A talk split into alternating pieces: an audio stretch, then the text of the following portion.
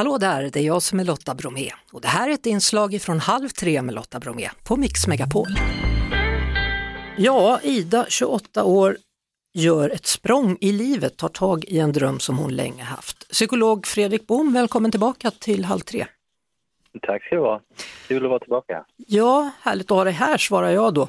Eh, jag har förstått att du som psykolog, eller många psykologer, går igång på något sånt här, att våga ta en ny riktning i livet. Ja, men det är svårt att inte göra. Dels därför att det är en sån sak som många pratar om och många har ett behov av, men väldigt få människor gör verklighet av. Och det är ju en sak som, som får igång en naturligtvis. Men sen är det också att, att till och med bara att stå bredvid någon som tar ett sånt språng ger en kraft och energi och inspiration om man låter sig smittas av det. Så det, det är en rätt häftig upplevelse. Mm.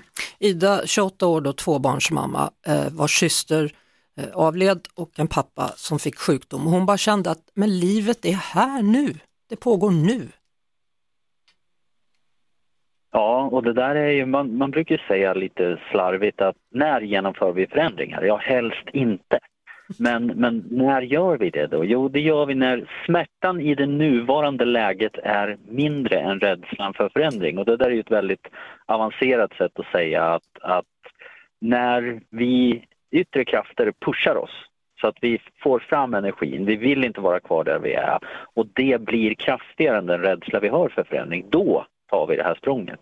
Och när man väl gör det då, då brukar det frigöras mycket endorfiner och man känner sig så glad och så stark efteråt så att det blir en vattenfallseffekt av det. Börjar man väl så är det svårt att sluta. Så, så, på ett sätt då, det du säger är egentligen att det finns en anledning till att vi inte vågar för att vi ser oftare då risker istället för möjligheter?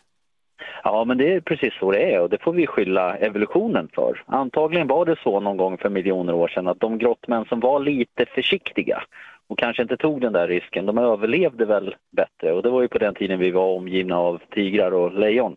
Och då var det kanske smart att vara lite försiktig och lite rädd. Problemet mm. är att, att vi lever i en annan värld idag.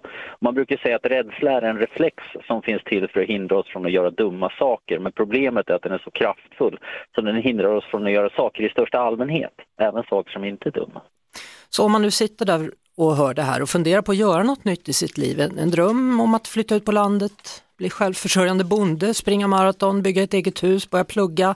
hur, hur ska man tänka? Vad är ditt bästa knep? Ja, det, det, finns egentligen två knep man kan använda. I slutändan så är det så att det finns bara ett sätt att komma över rädsla. Man kan prata hela dagen, man kan hitta på argument men i slutändan så måste man utsätta sig för det man är rädd för. Så det jag säger är att i slutändan måste man göra det. Men det är klart man kan göra det lättare för sig det finns liksom två vägar man kan ta. Den ena vägen bygger på kraft. Det, det, det, man kallar det tekniskt sett för flooding. men man skulle kunna säga att man bara gör det, man bara kastar sig ut, du bara tar språnget, mm. kosta vad det kosta vill. Och det är en väldigt bra metod men den är läskig och den kräver mycket kraft och energi. Den andra varianten det är ju att man använder samma princip som du vet om man klättrar upp för en stege. Mm. Klättrar man upp två meter så känns det högt men står man där ett tag då vänjer man sig och då kan man klättra en liten bit till.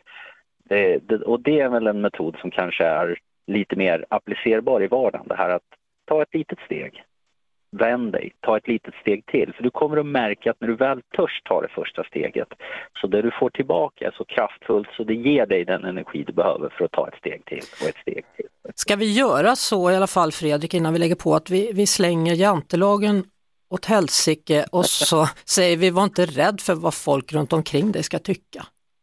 Nej, det där är ju en av de största hindren vi har i livet. Att vi ägnar mycket tid och energi åt att försöka fantisera ihop vad andra människor kommer tycka. Men det vi märker det är när vi väl tar språnget så de reaktioner vi får är oftast övervägande positiva. Mm. De har ofta också alldeles för mycket att tänka på sig själva. ja, det var någon som sa så viktig är du inte för andra människor att de spenderar dagarna med att försöka tänka ut vad som är fel på dig. De har annat att bekymra sig om. Nu fick jag en rysare på armarna tack vare det. Det var en bra sägning. Tack ska du ha Fredrik Bohm, vi hörs snart igen. Ta hand om dig, ha det Samma. bra. Hej, det var det. Vi hörs såklart igen på Mix Megapol varje eftermiddag vid halv tre. Ett poddtips från Podplay. I fallen jag aldrig glömmer djupdyker Hasse Aro i arbetet bakom några av Sveriges mest uppseendeväckande brottsutredningar. Går vi in med hemlig telefonavlyssning och, och då upplever vi att vi får en total förändring av hans beteende. Vad är det som händer nu? Vem är det som läcker? Och så säger han att jag är kriminell, jag har varit kriminell i hela mitt liv men att mörda ett barn, där går min gräns. Nya säsongen av Fallen jag aldrig glömmer på Podplay.